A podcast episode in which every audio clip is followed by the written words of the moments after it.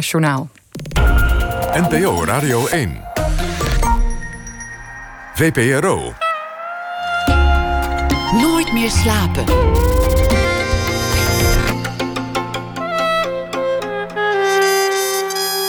Met Pieter van der Wielen. Goedenacht en welkom bij Nooit meer slapen. Het begon misschien wel met de social media.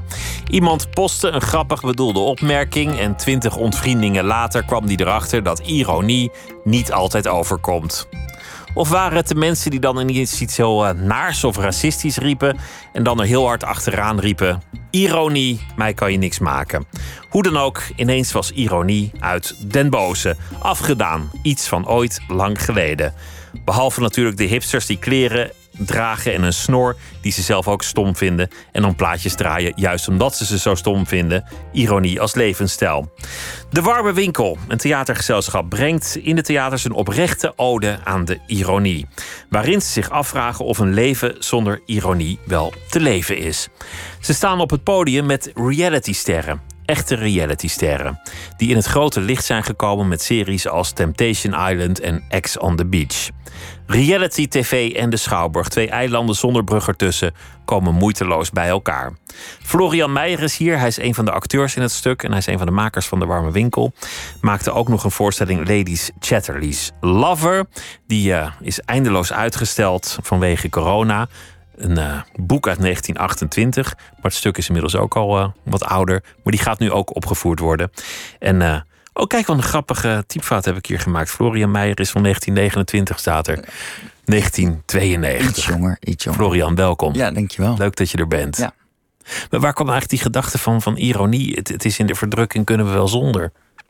Um, nou, het kwam eigenlijk voort uit dat De Warme Winkel is een vrij ironisch gezelschap. Of dat maakt vaak gebruik van ironie. Als stijlmiddel? Als stijlmiddel in hun voorstellingen. En ironie, wat jij ook al een beetje zei, kwam steeds vaker onder vuur te liggen. Dus er uh, werd ja, steeds meer gezegd dat dat moet maar eens klaar zijn met de ironie. Want dat uh, ja, zorgt eigenlijk juist niet voor emancipering. En in deze inclusieve tijden sluit ironie juist buiten. Want uh, bij ironie gaat het er ook over dat niet iedereen kan lezen dat je het anders bedoelt. en, en je sluit een bondje met bepaalde mensen van hey, wij begrijpen elkaar en de rest niet. En dat is natuurlijk niet heel inclusief. Dus er was een soort toch wel een beweging die zei: nou, het moet klaar zijn met de ironie. En, en ook wel letterlijk bij de, gezels, bij de voorstelling van de warme winkel werd vaak gezegd: het is te ironisch en dat, en dat is eigenlijk niet goed. Um, dus toen kwamen eigenlijk, kwam Bart Weemoff en, en ook Vincent Rietveld kwamen ermee. Dat zijn andere leden van de Warmwinkel. Moeten we daar niet een voorstelling over maken? En, um, en ik zit pas sinds kort bij de Warmwinkel. Eigenlijk pas sinds uh, 1 januari van dit jaar. Dus, uh, dus zij, werd, zij, werden eigenlijk voornamelijk van ironie beticht. En ik ben, weer als, ben er nu als Benjamin bij. En, en, uh, maar vond het heel leuk om met hun eigenlijk dat onderzoek aan te gaan. Van wat is dan ironie? En ik maak ook zeker ook wel gebruik van ironie in mijn voorstelling, maar wel iets minder. En ze bestaan natuurlijk ook langer. Maar En in de, in de voorstelling eh, ben jij degene die de aanklacht doet van, van jullie met je ironie. Het is ook een, een manier om je te verschuilen. Om overal boven dan wel buiten te staan. Ja. Om nooit echt te laten zien waar je voor staat of waar je op tegen bent. Ja. Door je altijd maar van de ironie te bedienen. Ja, ja ik vond ook belangrijk dat, dat dat aspect ook in de voorstelling naar voren kwam. Of dat verhaal, die kritiek. Uh, en die kwam ook wel echt. Uh, Wart die vroeg dat aan mij. Die zei: Ja, wil jij daar niet even een tekst over schrijven? Die dat allemaal, alles waar, wat jij vindt, wat wij verkeerd doen dan met de ironie. En ik ben niet he helemaal niet tegen ironie per se, maar. Uh, maar schrijf het maar allemaal op en, en, en, en zeg het tegen ons. En die monoloog is uiteindelijk ook in de voorstelling inderdaad gekomen. Was het ook toen, toen je die voor het eerst dan voordroeg pijnlijk voor de andere leden die hun hele leven met ironie bezig zijn geweest? Ja, ik Als denk, iemand daar gewoon een keer het vuur op opent. Ja, volgens mij wel. En dat is, zeker Wart had er ook echt om gevraagd. En, en ze zagen ook wel, oh ja, volgens mij is het goed voor de voorstelling, voor de dramaturgie van de voorstelling, dat dit erin zit. Um, maar zeker ook pijnlijk. En tijdens het proces was het ook wel zo van, nou, kan hij er niet uit, die, die monoloog. En ook wel vanuit het idee dat zij Vincent ook van, ja, dat heb ik al zo vaak gedaan, dat ik zo van mezelf helemaal op de pijnbank leg en mezelf zo bekritiseer in een voorstelling. Ik ben er ook een beetje klaar mee. Maar toen was de eindregisseur Jetse Batelaan, die zei, ja, maar het is toch echt belangrijk dat het erin zit. Uh, en, en, en niet om mezelf allemaal lof toe te zwaaien. Maar ik vind het ook belangrijk voor, toch voor het verloop van de voorstelling. Dat op een gegeven moment dat wordt uitgesproken. Ook omdat de voorstelling is ook een beetje een soort ideeënstuk. Het gaat over ironie en de voor's en de tegens. Ja, dus dan is het alleen maar. Vind ik, vind ik het wel prettig dat ook even een stuk zegt. Nou, dit is er allemaal op tegen. Het is ook een beetje de kern van het stuk. Ironie is heel in het kort als je zegt van... Uh, goh, nou, het was zo lekker weer vandaag terwijl het de hele dag regende. Ja. En, Ja. en je kan het in vele vormen bedienen. Je zegt het een, je bedoelt het ander. Ja. En dat is ook meteen het probleem ermee. Er moet wel een soort afspraak zijn of een soort overeenkomst voor de goede verstaander. Ja. Want we weten allebei dat ik iets anders bedoel. Ja. Ja. Je kan het ook achteraf als een soort joker op tafel leggen. Je, je roept gewoon iets naars en dan zeg je... Nee, dat was ironisch, joh. Ja. Wees nou niet beledigd. Ja, en dat gebeurde de laatste tijd, of de laatste tijd heel vaak. Dat was dan veel kritiek. Dat ze zeiden, ja, vroeger was eh, ironie iets van links. En nu is het meer iets van rechts geworden. Dus eh, mensen die dan in de politiek grappen maken over vluchtelingen of over de holocaust. En dan de afloop zeggen, oh, maar dat was, eh, dat, was, dat was ironisch bedoeld. Dat bedoelde ik helemaal niet serieus. Terwijl dan wordt ironie eigenlijk een soort dekmantel. Want dan, volgens mij bedoelen die politici dan wel serieus. Of zijn wel een bepaalde achterban aan het bedienen. Ehm, maar dan kan je ironie als dekmantel gebruiken. En jezelf indekken en zeggen, nee joh, dat was echt gewoon een grap. En helemaal niet serieus bedoeld. Dat, dat is natuurlijk wel een, een, valide punt. Wat, wat de VPRO als, als progressieve omroep in de jaren zeventig deed. Hmm. De hele tijd maar schoppen. Toen, toen vonden heel veel mensen dat leuk. En toen geen stel dat in, in de jaren 2000 ging doen. Ja. Toen vonden ze ineens tegen de goede smaak. Dat Ja, exact hetzelfde was, maar dan misschien uit een iets andere politieke hoek. Ja, daar is een soort omkering geweest. En we hebben ook voor de voorstelling gesproken met een eh, onderzoeker van de UvA naar ironie. En die, en die beschreef erg, ja, het is, een, een, het is inderdaad een ironie kan een wapen zijn om de machthebbers aan te vallen. Vroeger al helemaal, weet ik als je naar de Sovjet-tijd kijkt, dan uh, waar censuur heerste, kon je door weet ik, een voorstelling te maken waarin je uitermate positief was over het bewind. Dat was dan eigenlijk ironisch en dan konden de goede, goede verstaander kon lezen, oh ja, dit, dit is eigenlijk kritiek verpakt in een soort eh, mega, mega positieve vorm. Um, en, dat, en, nou ja, en later krijg, wordt het meer door links gebruikt, maar nu ja, is het establishment, hè, of je zou kunnen zeggen dat het uh, de zorg voor meer inclusie en meer emancipatie. Ja, daar heb je niet echt. Ironie is daar niet een heel handig middel bij.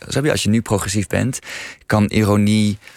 Het staat daar eigenlijk een beetje haaks op. En daardoor is het ook meer in, in, ja, hoe zeg dat, in het gebied van de rechtse politici of rechtse denkers terechtgekomen. Daar, daar terechtgekomen. Ja. Desalniettemin is het altijd gevaarlijk om de ironie uit te sluiten, omdat je dan een, een cultuur van letterlijkheid in het leven roept. Misschien Ja. wel van censuur. Of waarin iedereen altijd ondubbelzinnig kant moet kiezen in een bepaalde kwestie waar je nou, misschien gewoon twijfels hebt of gewoon zin hebt om er, om er even tegenaan te trappen. Ja, En ik Ja. denk dat het uiteindelijk altijd gezond is om, om te rebelleren tegen heersende gedachten. ja. Je komt verder. Ja, en, en het zorgt dat. Dus het gaat natuurlijk, ironie gaat ook over afstand. Dus ook even met een afstand eh, naar de zaken kijken. En in de voorstelling eh, zit een zin die Vincent heeft geschreven. Die vind ik heel mooi. Zegt: Ironie houdt altijd een deurtje open voor het eigen ongelijk. En dat is ook dat is belangrijk. Dat gaat ook over lucht. En het gaat ook over jezelf. Nou, niet jezelf niet te serieus nemen is misschien te licht. Maar gewoon jezelf ook in twijfel trekken. En zeggen: Oh ja, misschien heb ik het bij het verkeerde eind. Eh, en dat is denk ik ook wel gezond in een debat. Ja, want anders heb je het absolute gelijk. Ja, Het is wel grappig dat, dat censuur en dat soort dingen meer van links komen inmiddels dan van de andere kant. ja. Of voorstellen om, om eh, musea te zuiveren en dat soort dingen. Ja, en terwijl bijvoorbeeld die. die eh, aan, ja, ik weet ook zelf niet precies helemaal wat ik daarvan vind. Of van, eh, want aan de andere kant moedig ik juist het hele debat over inclusie en over. ja, daar, dat moedig ik heel erg aan, of daar kan ik me heel erg in vinden. Ehm, maar het is ironie. Ja, daar was deze voorstelling gewoon interessant om te doen. Om te kijken waar is ironie gewoon nog wel vruchtbaar of zo. En wanneer wordt het, wordt het, waar wordt het wel nihilistisch en wordt het cynisch en, wordt het, en, en wordt, is het eigenlijk gewoon alleen maar gevaarlijk? En waar kan het een heel vruchtbaar instrument zijn om misschien juist wel emancipatie te bewerkstelligen of een soort inclusievere samenleving te krijgen? Want ik geloof dat dat ook zou kunnen door middel van ironie. Maar ironie is inmiddels meer, ja, toch wel meer gekaapt door rechts. Ja. Ik, ik ben bang dat mensen die dit horen nu denken dat het een hele serieuze, hele filosofische voorstelling is. Het is, het is eigenlijk de meest absurde voorstelling die ik in jaren heb gezien. Ja, Eh, jullie imiteren een soort reality soap. Met echte realitysterren die jullie naar het theater hebben gehaald. Het, het is een soort eh, Temptation Island wat, wat jullie, wat jullie nabootsen. ja, Dat is, dat is maar één van de, de gekke elementen die erin zitten. Een permanente spraakverwarring. Hoe, hoe kwamen jullie op dat idee om het in die setting te doen en om dan ook die sterren uit te nodigen? Hoe, is dat nou tot leven gekomen? Nou, daar kwam, Wart kwam daarmee dat uh, er was een artikel verschenen in de Volkskrant waarin stond dat uh, Temptation Island, dus zo'n reality-programma waar een stelletje of stelletjes gaan naar een tropisch eiland om een relatie te testen. Dus ze worden uit elkaar gehaald en de, de, man wordt, eh, de mannen worden bij op een eiland met allemaal verleidelijke vrouwen gezet en de vrouw wordt op een eiland met allemaal verleidelijke mannen gezet. En dan, nou, wie het eerste vreemd gaat, uh, daar, daar, daar, daar, gaat het programma over. Wie gaat het eerst vreemd? En, um, Goed format op zich. Ja, en uh, de ultieme relatietest noemen ze het. En, uh, maar dat programma bleek dus, wordt heel vaak, wordt voornamelijk bekeken door hoogopgeleide mensen vanuit ironisch standpunt, vanuit ironisch oogpunten. Dus het is uh, vooral kijken. Aapjes kijken zou je kunnen zeggen. Of heel erg het, het is gewoon een beetje lachen. Lachen om, de... om van, oh, dit zouden wij nooit doen. En kijk eens nou eens dom zijn. En, en dat zou ons nooit overkomen. Um, en toen, nou, toen kwam Bart er van: is, dat niet een idee nu we toch een voorstelling over ironie willen maken? Omdat Winkel zo vaak als een ironisch gezelschap wordt uh, gekenmerkt en, en, en, en ook vaak kritiek wordt geleverd op, op die ironie. Is dan niet een goed idee om ja, dan zo'n Temptation Island setting te, ervan te maken met die, echt met die mensen. En met hun scènes gaan maken over ironie. En ook omdat, nou ja, dus ironie buitensluit en. Uh, en er toch een soort onderscheid zit tussen hun wereld en onze wereld. Um, ja, kan dat? Kunnen, kunnen wij bij elkaar komen in een de, de intellectuele, setting? kunstzinnige wereld van het theater en de wereld van de, van, van de glamour van de reality tv? Ja, ja, ja. Dus daar kwam eigenlijk dat idee vandaan. Nou, ik, ik, heb me, ik had het eigenlijk nooit gekeken en ik heb mezelf tekort gedaan. Temptation Island, dat, dat is eigenlijk poëtisch. Dat, dat, dat, is ook, dat zit ook in het Onze Vader, hè? Le leidt ons niet in bekoring. Ah, ja, ja, Dat is een van, de, een van de gebeden die je elke dag aan de hogere macht uh, voorlegt. Van alsjeblieft, zorg eerst dat ik te eten heb en dan geen bekoring, alsjeblieft niet. Ja, ja, ja. En dat is, dat is best een verstandig gebed. Ja, ja omdat, maar dat is Want je brengt jezelf natuurlijk hopeloos in de problemen door, door uh, als je je relatie wil behouden, daar dan zon, zee, zand, drank en, en allemaal andere bekoorlijke partners om je heen. Ja. Waarom zou je dat doen? Ja, ik bedoel, dat, dat is natuurlijk ook eigenlijk heel dom. Ja, als je je relatie wil testen, moet je gewoon niet naar Temptation Island gaan. Maar het is wel een mooie gedachte van, ja, ik weet het eigenlijk niet zo zeker met die ander. Ik, ik leid hem door, de, ja. door het vuur en kijken of die vlam vat. Ja, ja, nou ja, en het levert vermakelijke tv op, sowieso. Maar goed, dat gaat echt over, over uh, la condition humaine. Wederom. En ik, ik heb een fragment uitgekozen waarin het heel erg misgaat. En waarin, waarin een jongen gezondigd heeft. En dan worden die beelden voorgelegd aan zijn vriendin die dat niet licht opneemt. En dan krijgt hij ook weer vroeging. En, uh, en, dat klinkt ongeveer zo. Die uh, verliefde beelden van jou en uh, Cherise hebben we natuurlijk wel getoond aan Deborah. En ja, daar reageerde ze zo op.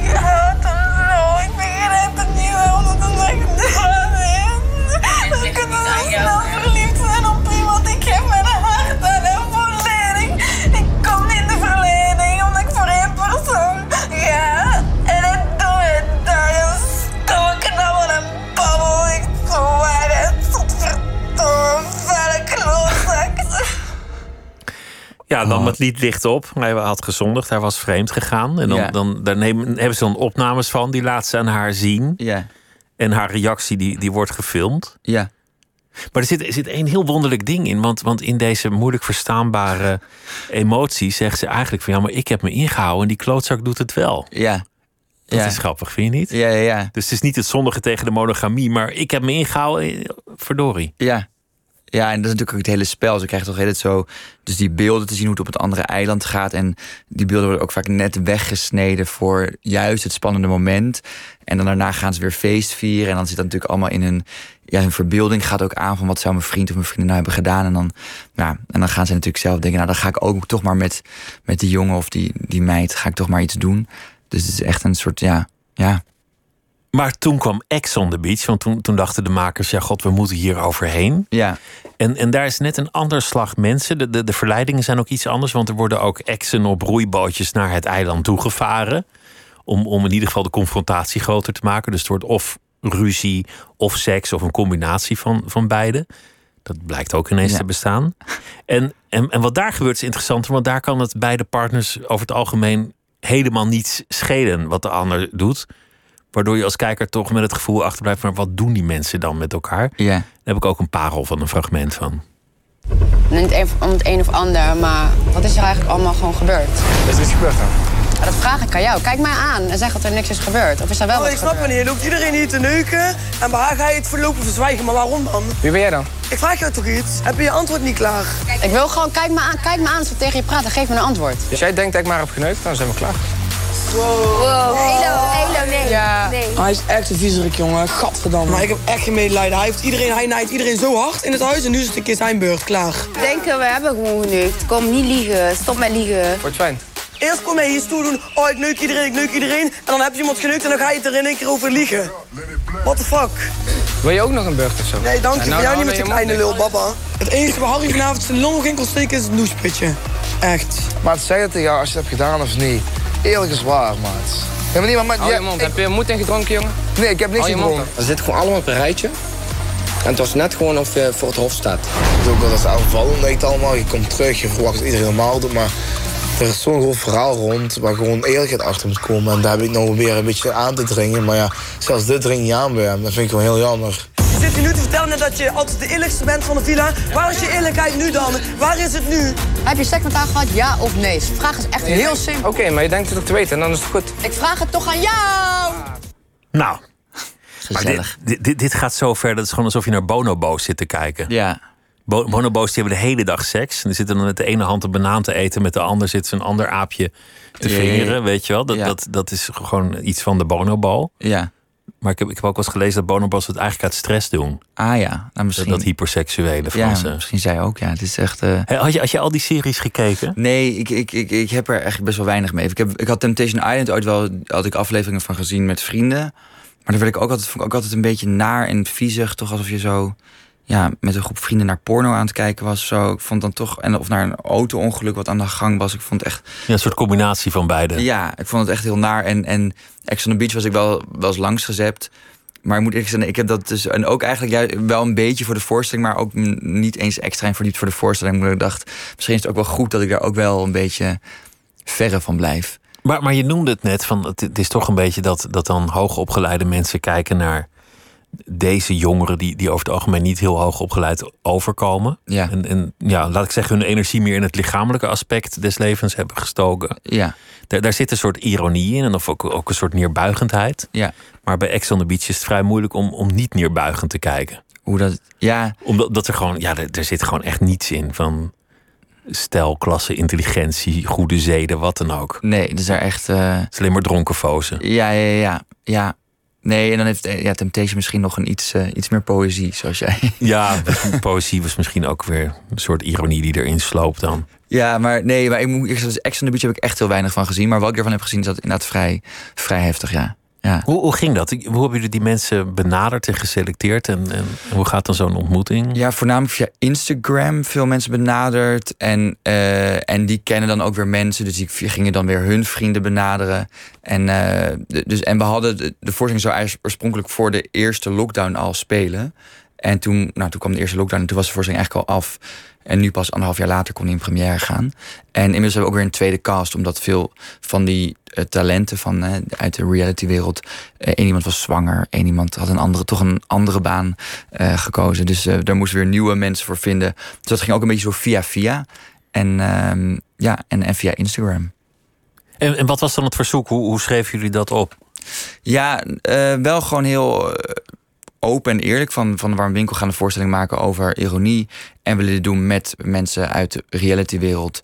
Eh, En volgens mij legden we ook uit vanwege, nou, omdat er dus hoogopgeleide mensen vaak kijken naar zo'n programma vanuit ironisch oogpunt. En we het ook hebben over dat verschil tussen hoge en lage cultuur. Ehm, en eh, ja, dus er waren we best wel open kaartspel daarin. En toen gingen we audities houden en met hun scènes spelen. Ehm, en dat was eigenlijk heel leuk, om dan, dan leer je hun echt kennen. Ehm, en zo voelde dan een beetje, oh ja, van deze mensen zouden wel goed bij deze voorstelling passen. De, iedereen is zo'n beetje geïnterviewd over, over deze voorstelling, ook de, de realitysterren. Ik had de indruk dat er toch echt een soort vriendschap is ontstaan. Nou, het was wel echt heel leuk om met hun ehm, dit te doen. Het was echt heel. eh, en natuurlijk een hele andere wereld, maar tegelijkertijd ook niet. De, er zijn toch heel veel raakvlakken. Ehm, en, en je wordt, ja, je, je gaat, het is voor ons ook spannend. En voor hun is het spannend. En je gaat ook samen toch op een soort zomerkamp. Dus je, komt toch wel heel dicht bij elkaar. En, en ja, dus, en, en, ja, en dus, ik- misschien klinkt dat denigrerend, maar ik moest ook toch wel denken aan mijn middelbare schooltijd of aan mijn basisschooltijd. Dat je ook gedwongen wordt om, of gedwongen wordt, maar om met mensen om te gaan die je niet hè, per se uit je bubbel komen. Of snap je in ieder geval mijn middelbare school zaten ook veel mensen ja, die hele andere interesses hadden.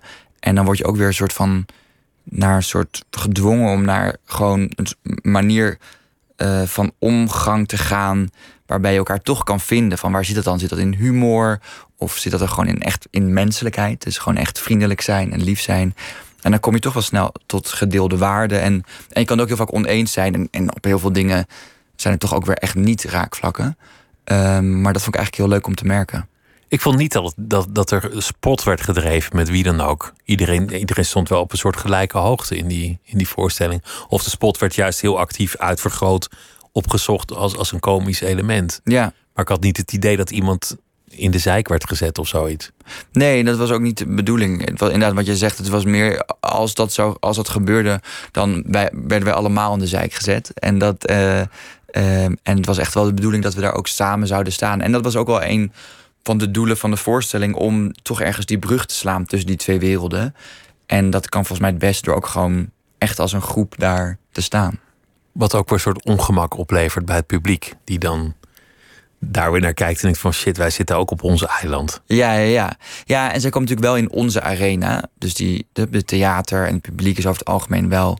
eh, ja, komt meer uit onze wereld. Dus daar waren we ons ook wel bewust van. En we hebben in de aanloop naar de voorstelling ook drie themaavonden gehad in de Bali in Amsterdam. Met denkers en sprekers over ironie. En daar we hier ook veel over gehad. En was ook veel kritiek. Eh, ook ja, iemand die zei van ja, het is, het, het is toch gewoon aapjes kijken. En ja, tuurlijk is het grappig om hun op een, waar zij ook bij waren. Zei hij dit van, tuurlijk is het grappig om hun op een podium te zetten. Want ja, dieren en kinderen op een podium zijn ook heel grappig op een podium. Ehm, waarvan wij dachten, oh ja, maar dat is dus wel gevaarlijk. Het moet niet zo zijn dat, dat je ze als dieren of kinderen gaat zien. Of als een soort nou, ja, aapjes. Dus ehm, daar waren we ons wel bewust van ook. In de voorstelling niet. In, in, de, in de serie op tv wel. Maar Het is Ja. natuurlijk niet zo gek als je de hele dag met je hand in andermans broek zit. Nee, precies. Dan, dan, ja, is, dan, ja. dan krijg je vanzelf dat, dat er een soort blik ontstaat. Ja, Natuurlijk. Er zit ook een, een verbeelding in de voorstelling. Ik weet niet hoe ik dit moet uitleggen van, van de hel.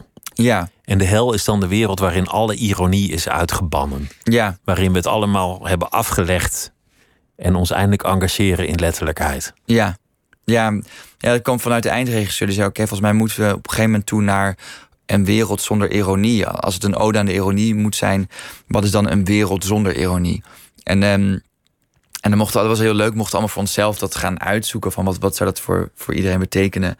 En voor mij betekende dat ehm, dat ik alleen maar een homootje mag zijn. Ik ben een homootje. Ja, Dat, ze- en, en dat omdat, nou ja, wat, wat ik ook gewoon een, een, een interessant gesprek vind over ja, wie mag welk verhaal vertellen. Wat natuurlijk een soort hot topic is.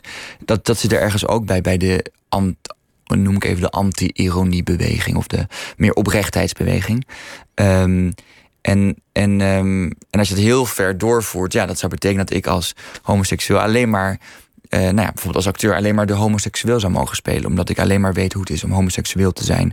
Ik weet niet hoe het is om heteroseksueel te zijn. je, je mag niet andermans verhaal je toe-eigenen. Dus, dus jij moet dan jouw verhaal vertellen. Ja, en dat, en dat is echt. Ja, dus dat is een wereld zonder, zonder ironie of zonder gelaagdheid of zonder dubbelzinnigheid. Alles is één op één. Alles is gewoon wat het is. En ik ben alleen maar dat. Ik heb maar één identiteit.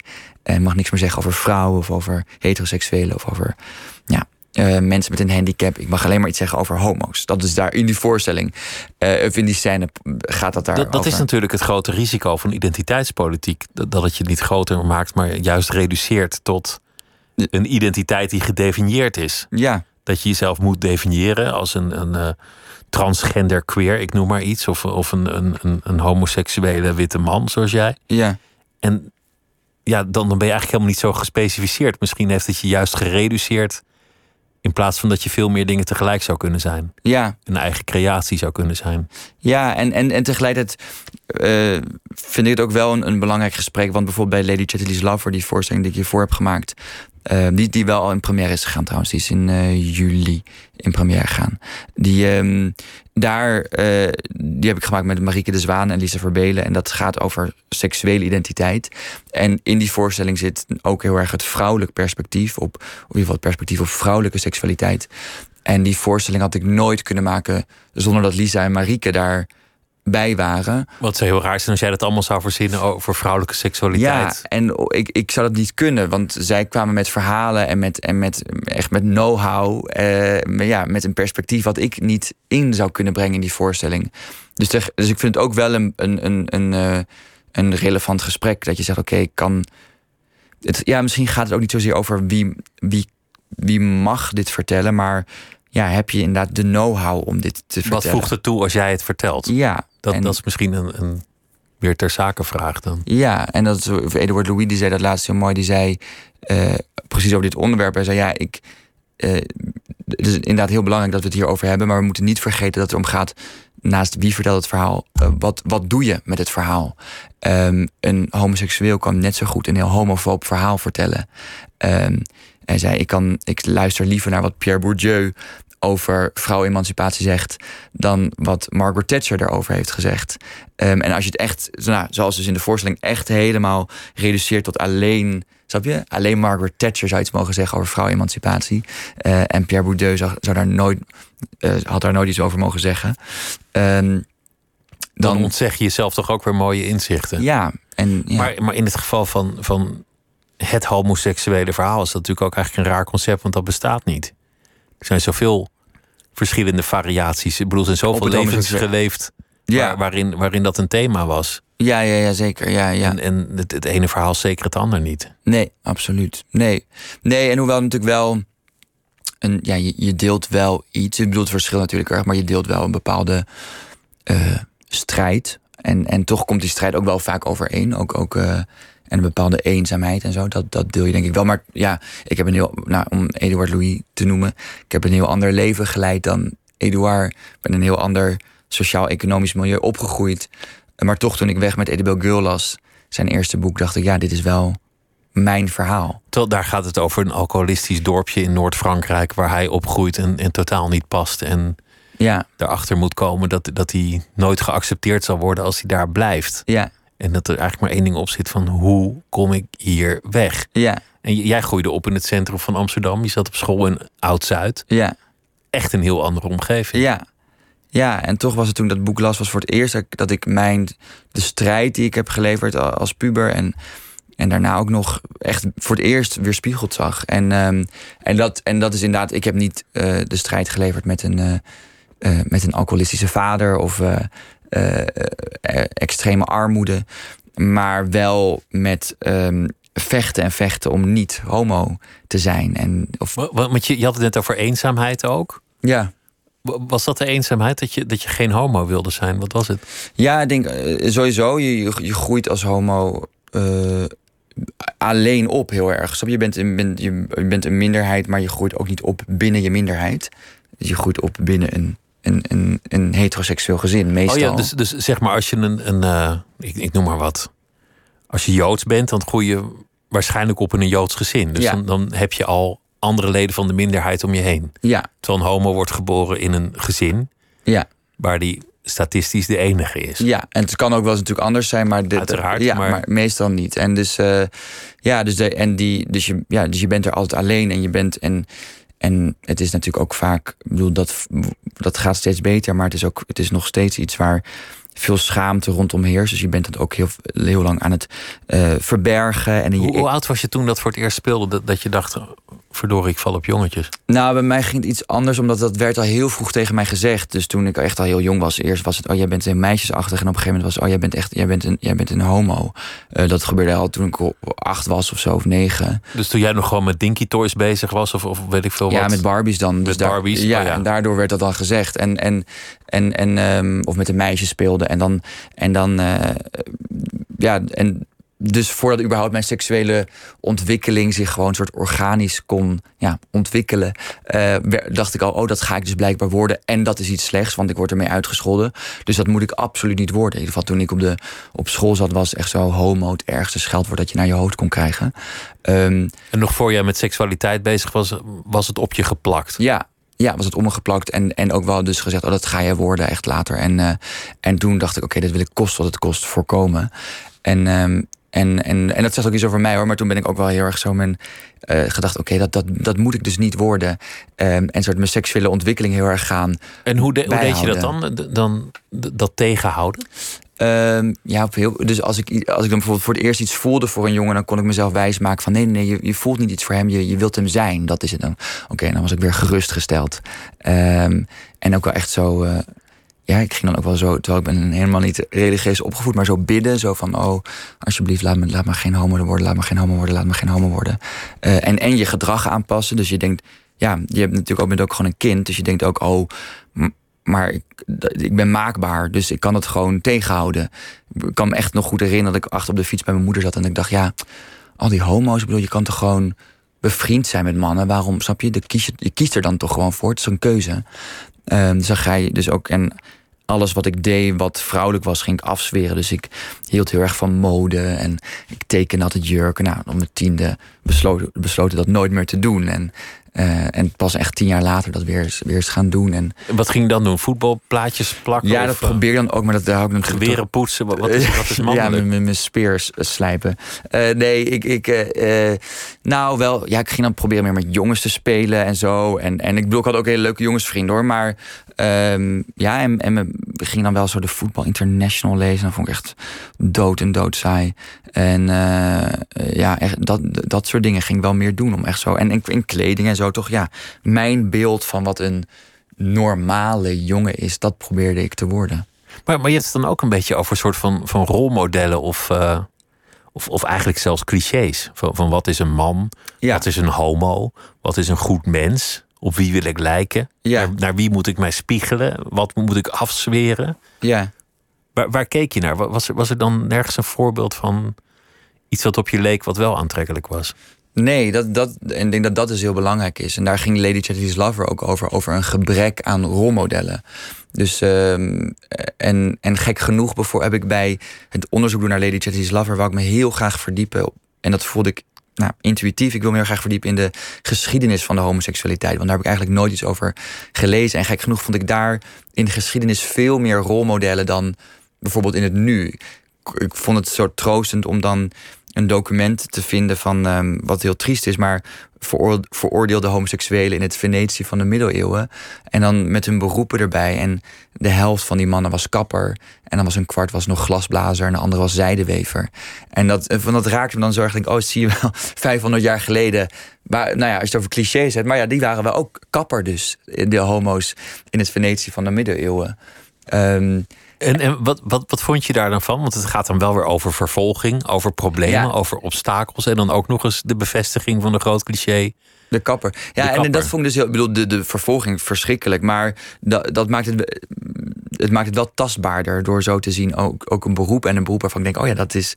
eh, dat is iets wat, ik, wat we herkennen. Eh, dat vond ik juist troostend. Maar toen, nou, toen ik Waar opgroeide. zat, waar zat die troost hem dan in? Ehm, nou, kijk, ja, het is altijd moeilijk als je het hebt inderdaad over clichés en, en, en stereotypen. Want sommige clichés zijn ook waar. En, dan, en misschien is het dan wel even troostend om zo'n cliché te zien in de, in de middeleeuwen. Ehm, omdat, ja, wel vaak over homo's wordt gezegd... oh, die zijn nou, creatiever of die eh, hebben meer liefde voor esthetiek. Ehm, en of iets wat dat herken ik misschien dan ook. De liefde voor esthetiek, de liefde voor kleding, voor kunst. En om dat dan te zien van, oh ja, 500 jaar geleden was er, bestond uh, Rolandino Ronchaya. En ehm, die hield er ook van. En, en, hij heeft het niet gered. Hij is, hij is in een kooi aan de hoogste kerktoren in Venetië gegaan om te verhongeren. Dat, dat, is, uh, dat is verschrikkelijk. Maar dat zijn ook wel. Toen dacht je dat lot zal mij dan toch op zijn minst nog wel bespaard dat blijven. Dat bespaard blijven. En, en, en ja, dit is ook. Ergens is het helend om toch ook de geschiedenis te zien waar je uit voortkomt. Al klinkt dat misschien een beetje pretentieus, maar als je inderdaad je hele jeugd toch alleen voelt en denkt: ik zie mezelf nooit ergens in terug. En dan zie je opeens dat er een hele geschiedenis is van mannen en vrouwen en alles wat er tussenin zit, die toch wel tot, tot op zekere hoogte dezelfde strijd heeft geleverd. En, en heel veel hebben het uh, wel met de dood moeten bekopen, maar die hebben wel ergens ook voor mij gevochten. Uh, dus, dus je stond niet alleen, je kwam ergens uit, uit voort in, in die zin. Of je stond in een, in een traditie. Ja. Of, of hoe je het ook noemt. Ik weet niet ja. of het een traditie is, maar een, ja. er was een geschiedenis. Ja, en, en, en, en die emancipatie die is al. Er zijn heel veel mensen geweest die voor die emancipatie hebben gevochten. En, dat, en daar, waardoor ik vandaag uh, kan doen wat ik doe. En, en, maar, maar wat ik niet heel erg hoor, zijn positieve rolmodellen waarbij het niet problematisch, licht, leuk, vrolijk was nog, nog voor je voor het eerst verliefd was, was jouw seksualiteit in, in een heel duister licht van problemen, ja. beladenheid, gewicht, zwaarte. Ja, ja, ja. ja. Terwijl, terwijl je zou hopen dat liefde en, en, en seks dat dat iets lichts en vrolijks is. Ja, nou ja, en daar, daar heb ik echt wel een gebrek aan gehad aan, aan positieve representatie en ongecompliceerde representatie. Denk dat dat, uh, dus als er een daar is ook een hele mooie documentaire over de Celluloid Closet. Dat gaat over representatie van homo's in Hollywood. En um, als er een homo in een Hollywood-film zat en het gaat beter, maar eigenlijk nog steeds is het ook aan de hand, is hij of een slachtoffer. Dus of is het echt ellende, ellende, ellende, zelfmoord, aids. Nou, Brokeback Mountain. Ja, Brokeback Mountain is daar het perfecte voorbeeld van. Prachtige film, maar het, het eindigt, eindigt heel slecht. slecht. Of het is een slechterik. Dus het is een pedofiel of een moordenaar. Of het is uh, iets om uit te lachen. Dus, uh, de komische noot, wat, ja. wat in sommige Nederlandse romantische comedies van dit decennium of het vorig decennium ja. nog het geval is. Ja, dus dan echt zo de gay best friend. Ja. Dat is echt zo. Maar nooit inderdaad ongecompliceerd uh, iemand die, ja, om het zo maar even te zeggen, gewoon homo is en gelukkig is. En naast dat homo zijn tijd heeft om andere dingen te doen. Uh, dat zag ik nooit terug. En ik denk dat ik daar heel, als dat er was geweest, inderdaad ongecompliceerde, positieve representatie, dan, dan dat, dat is echt belangrijk, denk ik, als je zo jong bent en je voelt je zo alleen en je worstelt daarmee. Om, dat is belangrijk als je dat zou zien op televisie. En dat is nu inmiddels denk ik wel beter. Maar dat, dat had jou geholpen. Ja, dan had ik een positief zelfbeeld kunnen opbouwen. Of een en, en dat had me echt wel erg geholpen, denk ik. Ja. Maar je, je hebt op een zeker ogenblik ter voorbereiding van, van je voorstelling oud-leraren ja. als een soort alias gebeld. Om, om te zeggen als een journalist van... Goh, ja, Florian Meijer, die, eh, kan je die herinneren? Ja, die zat, die zat bij jou in de klas. Hè? Weet je nog hoe die was? Ja. Ja. Dat, dat is eigenlijk wel moedig. En dan had je waarschijnlijk een iets andere stem opgezet? Of? Nee, want dat was, waren mijn basisschooldocenten. Dus die, dus, hadden, dus die weten niet hoe jouw volwassen nee, stem is een hoog stemmetje. En, en dus de, ik had inmiddels de baard in de keel. Dus die herkende mijn stem niet. En ik had ook dan een andere naam, Roderick Verhoeven. Uh, van de theaterkrant. En die gesprek had ik opgenomen en gebruikt in, in, in, uh, in, in een voorstelling. Een hertje beschadigd, wat ook deels gebaseerd was op het werk van Eduard Louis. Um, en inderdaad, toen, en ja, daar kwam echt wel gelijk kwam daaruit naar voren dat zeiden: Oh ja, Florian, ja, ja, die kunnen ons nog herinneren. Ja, on, on, ontzettend. Ja, werd wel toch letterlijk gezegd: verwijfd jongetje, heel lief, maar altijd dansen, musical. Ja, echt een homo. Waarschijnlijk heel vroeg uit de kast gekomen. Um, terwijl, ja, de praktijk bleek anders. Ik, was, ik ben... Maar dat is, dat is eigenlijk best wel rottig om te horen. Jij hebt, je bent het zelf aangegaan, maar het is toch rottig om te horen dat ze, dat ze je meteen zo omschrijven.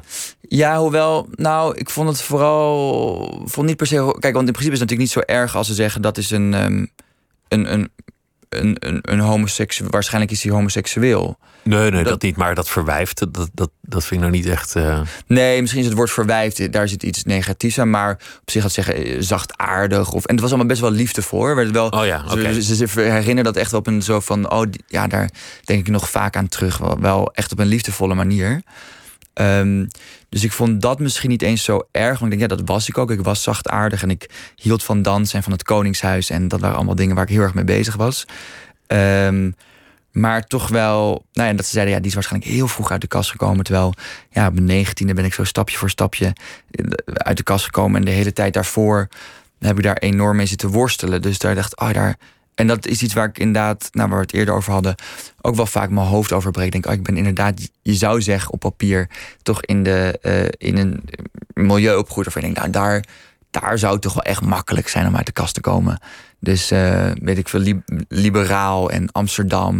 Ik ging naar een gymnasium in Oud-Zuid. Nou ja, maar toch was ook dat een homofobe omgeving. En, en een eh, gewelddadige omgeving in de zin van dat ik daar niet mezelf kon zijn. En, en niemand met mij. Dus in de zin van, ik, er was niemand anders op die middelbare school ehm, die uit de kast durfde te komen. Eh, pas nu kon Want homo was het ergste scheldwoord en, en hetero en stoer was de norm. Ja. En homo was automatisch niet stoer en et Ja. cetera. Ja, dus ook een, inderdaad een, een, een ehm, verlicht en, en, en welvarend milieu in Oud-Zuid en, eh, is homofoob. En, en wij groeiden wel op, ook niet, dus ik ging naar school in Oud-Zuid, maar ik woonde in het centrum bij de Nieuwmarkt, wat wel zeker toen een iets, iets ruigere eh, buurt was. Sodom en Gomorra. Ja, dus ik was wel, ik hoorde ook niet helemaal in die hele oud-Zuid hockeywereld. Ehm, maar ik vond het ook, zeker, ja, ik, ik heb wel gehockeyd. Nou, dat, dat is ook een hele, vond ik echt een hele homofobe omgeving. Ja. Wel, wel grappig, want je, je, noemt, je noemt naast mode en, en nog een paar dingen het Koningshuis. Mm.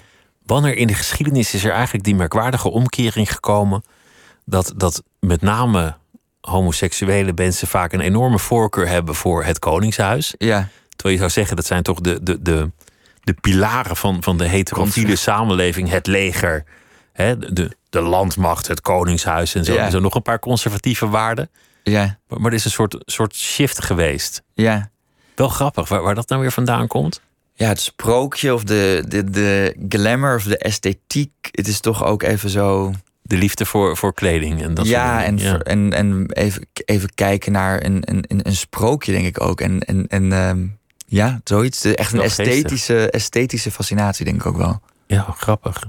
Je, je, je hebt ook, je hebt ook een vrij ernstig verkeersongeluk gehad toen je, toen je jong was.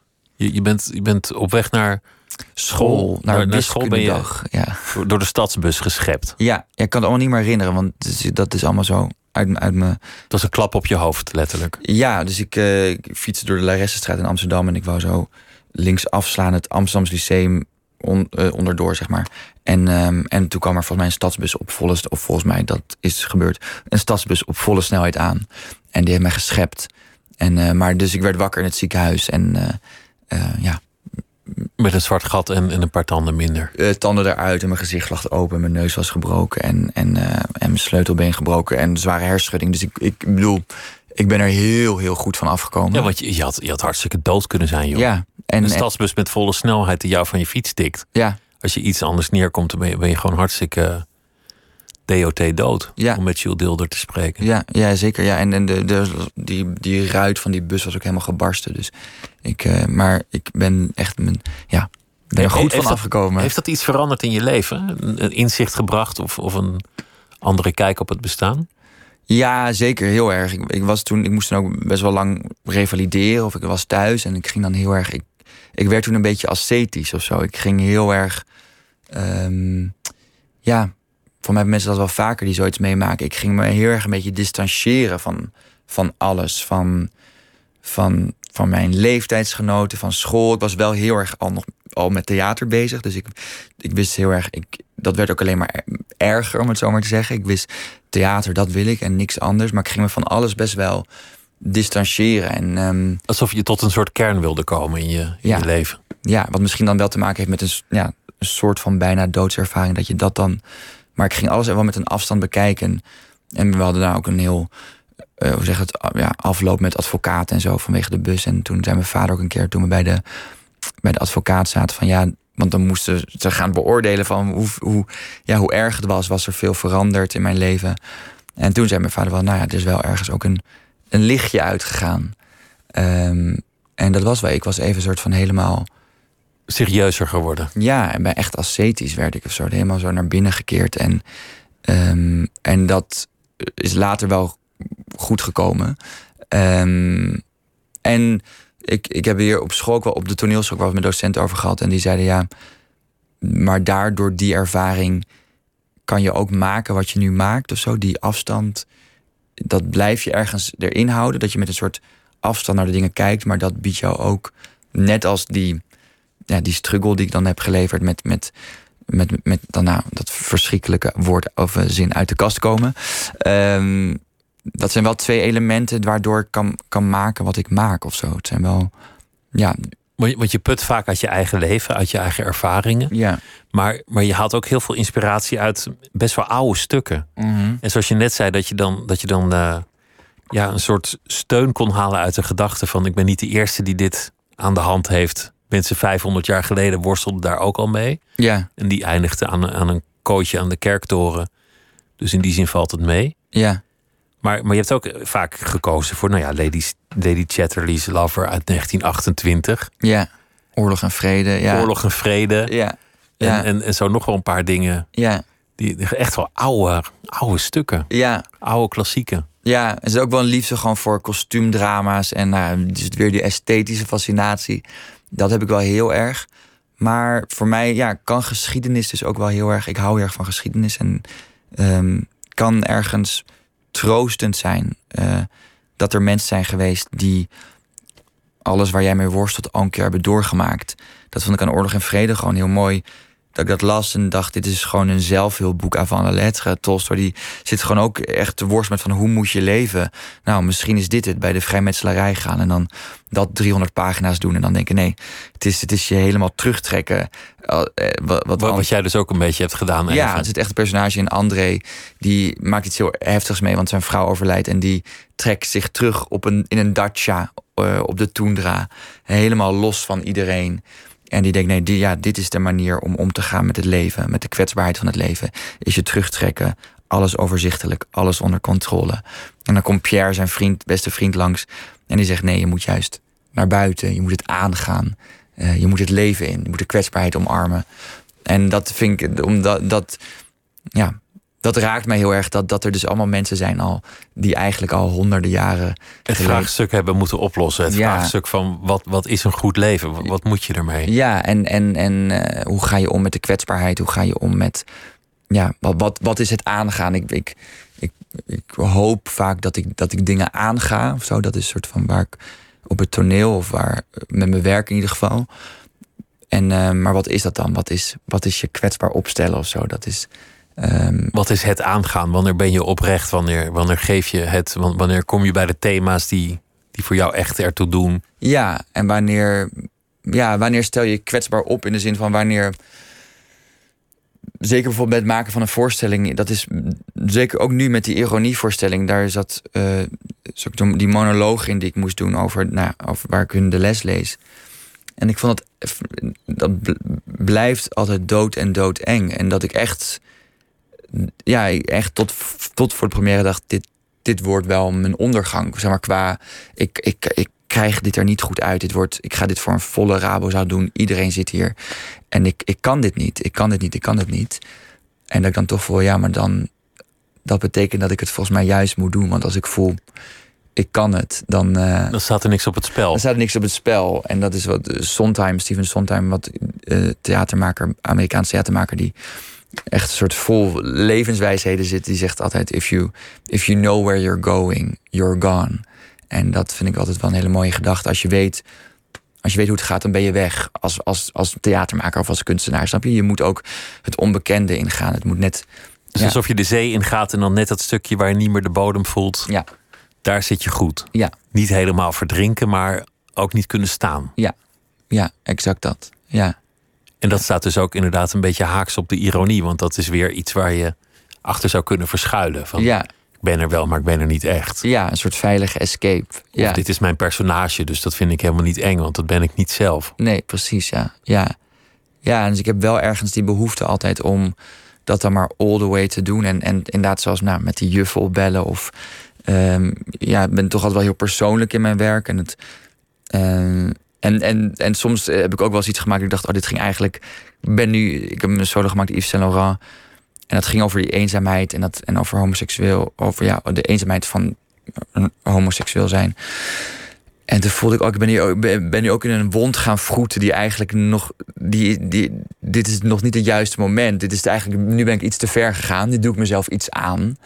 Ehm, maar dat zit ergens wel in me, omdat. eh, Om juist daar te komen. Dus, Ja. dus als je al die variaties van Tolstoy, van, van hoe moet je het leven leven, zou beschouwen, dan is dat waar jij bent uitgekomen ergens. Ja, het, Vol erop af. Ja. In, in de vuurlinie. ja, het aangaan en, en het, het inderdaad, de kwetsbaarheid. Het klinkt allemaal heel pathetisch, maar de kwetsbaarheid omarmen of het gebied ingaan, nou wat je net zei over in het water waar je net, net niet de bodem voelt. Maar je staat op een podium voor een zaal met, met een licht erop. En het publiek is je gunstig gezind, want ze hebben betaald. Dus ze hopen dat het leuk wordt. Ja, Maar het kan ook zo omslaan dat ze het ineens helemaal niet meer leuk vinden. ja, ja, En, en dat is natuurlijk doodeng. ja. Dat is, dat is gewoon alsof je op een soort evenwichtsbalk loopt. En, en, en je loopt wel een rechte lijn, maar de grond onder je voeten is oneindig diep. Als, als je het echt verkloot, ja. wordt het lelijk. Ja, ja en dan, dan, ja, dat kan een enorme afgang zijn. Ehm, maar als het lukt, kan het enorm troostend zijn. En helend ook. Zeker als je iets persoonlijks maakt en je deelt dat en je krijgt terug dat mensen zich in kunnen herkennen. Of eh, dat, dat kan een deel van de eenzaamheid dus opheffen. Of dat kan, kan therapeutisch zijn. Het is eh, zeker. Dus Ook voor- voor jou. ja, voor mij ook. En, en, en ehm, ja, ik, ik durf niet voor publiek te spreken, maar dat krijg ik soms wel terug. En, en ja, inderdaad, zo die juf opbellen, dat, ja, dat is gewoon een onorthodoxe therapieoefening. Dat was echt eh, eigenlijk ook bizar om te doen. Dat je gewoon anderhalf uur staat te bellen en gewoon een soort van. Dat je oh, jullie hebben geen idee dat jullie het over mij hebben. En jullie zitten. En, en ze zijn natuurlijk ook veel bouter in hun uitspraken. Dat ze denken, ach, ik praat niet met hem. En ook over, eh, ja, over mijn familie of zo. En het klopt ook niet helemaal soms. Zo, dan zeiden ze inderdaad, ja, Florian die was altijd zo prachtig gessoigneerd. Kwam hij naar school. Terwijl die moeder, ja, dat was een hele, beetje een lompe vrouw hoor. Die was helemaal niet verzorgd. Terwijl dat helemaal niet zo. Maar dan dacht ik, ach, mijn arme, arme moedertje, die moet het ook ontgelden. Eh, dus dan krijg je ook soort, allemaal dat soort dingen. Ja, eigenlijk misschien een beetje wat je krijgt als je op Twitter gaat. En, eh, en je eigen naam en, je eigen naam intypt. Ehm, dus, ehm, maar dat kan echt ja, therapeutisch zijn. Voor mij is eh, het maken van theater, het maken van kunst is therapeutisch. Maar je doet het wel voor het publiek. Snap je? Het moet, het, als je het echt voor jezelf doet, dan moet je dat bij de therapeut gaan uitzoeken of op je kamer. Ja, dan moet je op een divan gaan liggen. Het moet wel kunst worden uiteindelijk. Ja, mensen kopen een kaartje en moeten er, moeten er iets Maar aan hebben. Ik, ik vind ook wel grappig, Lady Chatterley's Lover, dat, dat is, eh, als ik het me goed herinner, lange tijd verboden geweest. Eigenlijk Mm. net iets te lang. Het werd, werd meteen uit de handen genomen. Het was een schandaalroman destijds. Dat heel openlijk over seks gaat in allerlei verschijningsvormen. Ja, En, en, en daarmee een enorme ja, verontwaardigde reactie ontlokte aan, aan de lezers. Want, want daar sprak je gewoon niet over in die tijd. ja, ja. En, en dat we het dan eerder hadden over Ex on the Beach, wat, wat zo'n beetje tegenovergestelde ja, is. ja. Waar- waarbij inmiddels ja, alles kan en iedereen alles doet en niemand zich nog ergens voor schaamt. En ja, dat, dat, dan krijg je weer een soort, soort lelijkheid de andere kant op. Een Ja. samenleving of juist het, het omgekeerde. ja. Nou, ik ben heel, ligt heel dicht bij elkaar juist. Ja, ik ben heel benieuwd wat D.H. Lawrence, had de schrijver van Lady Chatterley's Lover, had gevonden van zo Ex on the Beach en Temptation Island. Want dat boek werd inderdaad gelijk weggezet als porno en als. Terwijl zijn, dat, was, dat sprak mij het meest aan in het boek, was zijn intentie was juist om te emanciperen en om. Hij wou het boek eigenlijk ook tenderness noemen. Het gaat voor hem over tederheid. Hij zei: we moeten de seks opnieuw uitvinden, want we, we weten niet hoe we moeten neuken. We zijn het verleerd. Het, we moeten elkaar weer vinden in de tederheid. En, en, en daarin gebruikt hij hele plastische taal. En daarom werd het ook verboden. Ehm, maar zijn intentie was juist heel romantisch eigenlijk. En heel ehm, zachtaardig. Ehm, dus ik denk dat hij van zo'n Temptation Island of Ex on the Beach enorm zou schrikken. Ja, want, want die zeggen, wat, wat doe je in mijn bed als je niet met me wil neuken? Ja, ja, Pompen, nu. ja, ja. Eh, Dat is niet teder. Nee, en, ehm, en tegelijkertijd als je dat leest, Lady Chatterley's Lover, dan is ook enorm seksistisch. Dus hij, eh, bedoel, eh, ja, hij, het is heel mooi. Hij probeert het vrouwelijk orgasme zo secuur mogelijk te beschrijven in dat boek. Echt met, met, met metaforen over de zee en flappende zeeanemonen. Maar, flappende zeeanemonen? Ja, het gaat, het, gaat, het gaat pagina's lang door. En het is heel mooi. Maar daar was ik heel blij dat ik dan Lisa en Marieke erbij had. Die zeiden, ja, maar ik bedoel, ja, die clitoris komt geen enkele keer voorbij. Dus hoe kan hij het nou over het vrouwelijk orgasme hebben?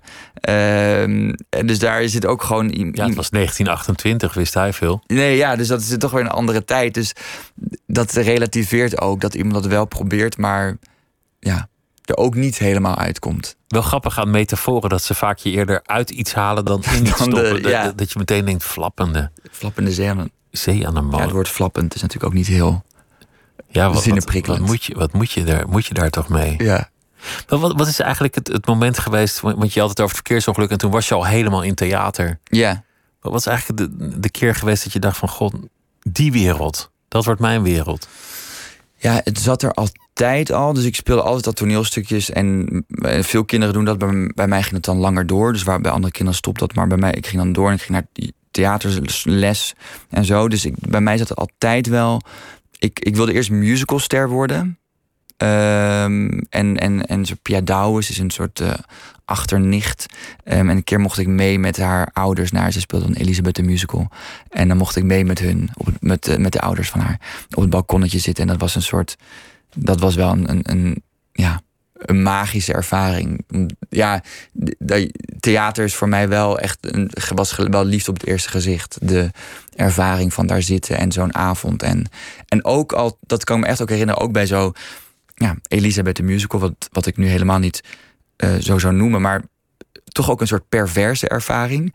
Ik vind theater ook de plek waar bepaalde regels worden opgeschort.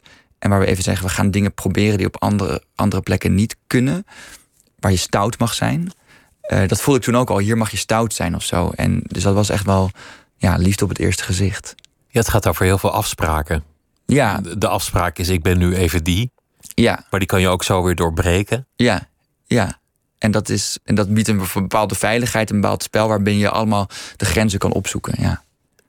Ik wens je een ontzettend goed, uh, goed seizoen. En een, ja, dankjewel. Uh, en een hele fijne tournee met uh, de warme winkel. Met een oprechte ode aan de ironie. Florian Meijer, dankjewel dat je langs wilde komen. Ja, leuk om er te zijn. Het was, was een genoeg om met je te spreken. En dit was Nooit meer slapen voor deze nacht. En morgen dan komt Judy Mesman te gast. Zij is hoogleraar in, eh, in Leiden, geloof ik. En het gaat over opvoeden. En zometeen uh, Miss Podcast met Milou Brandt. En die gaat uh, in gesprek met Anne-Fleur Schipper.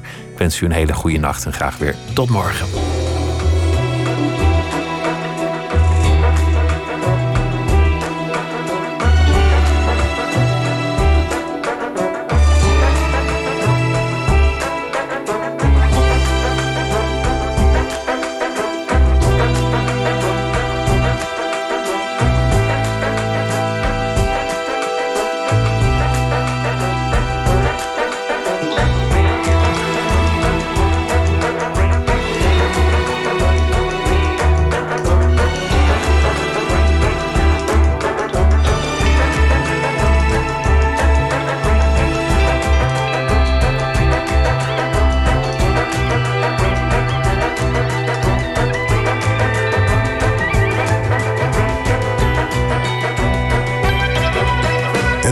Radio 1. Wie luistert, weet meer.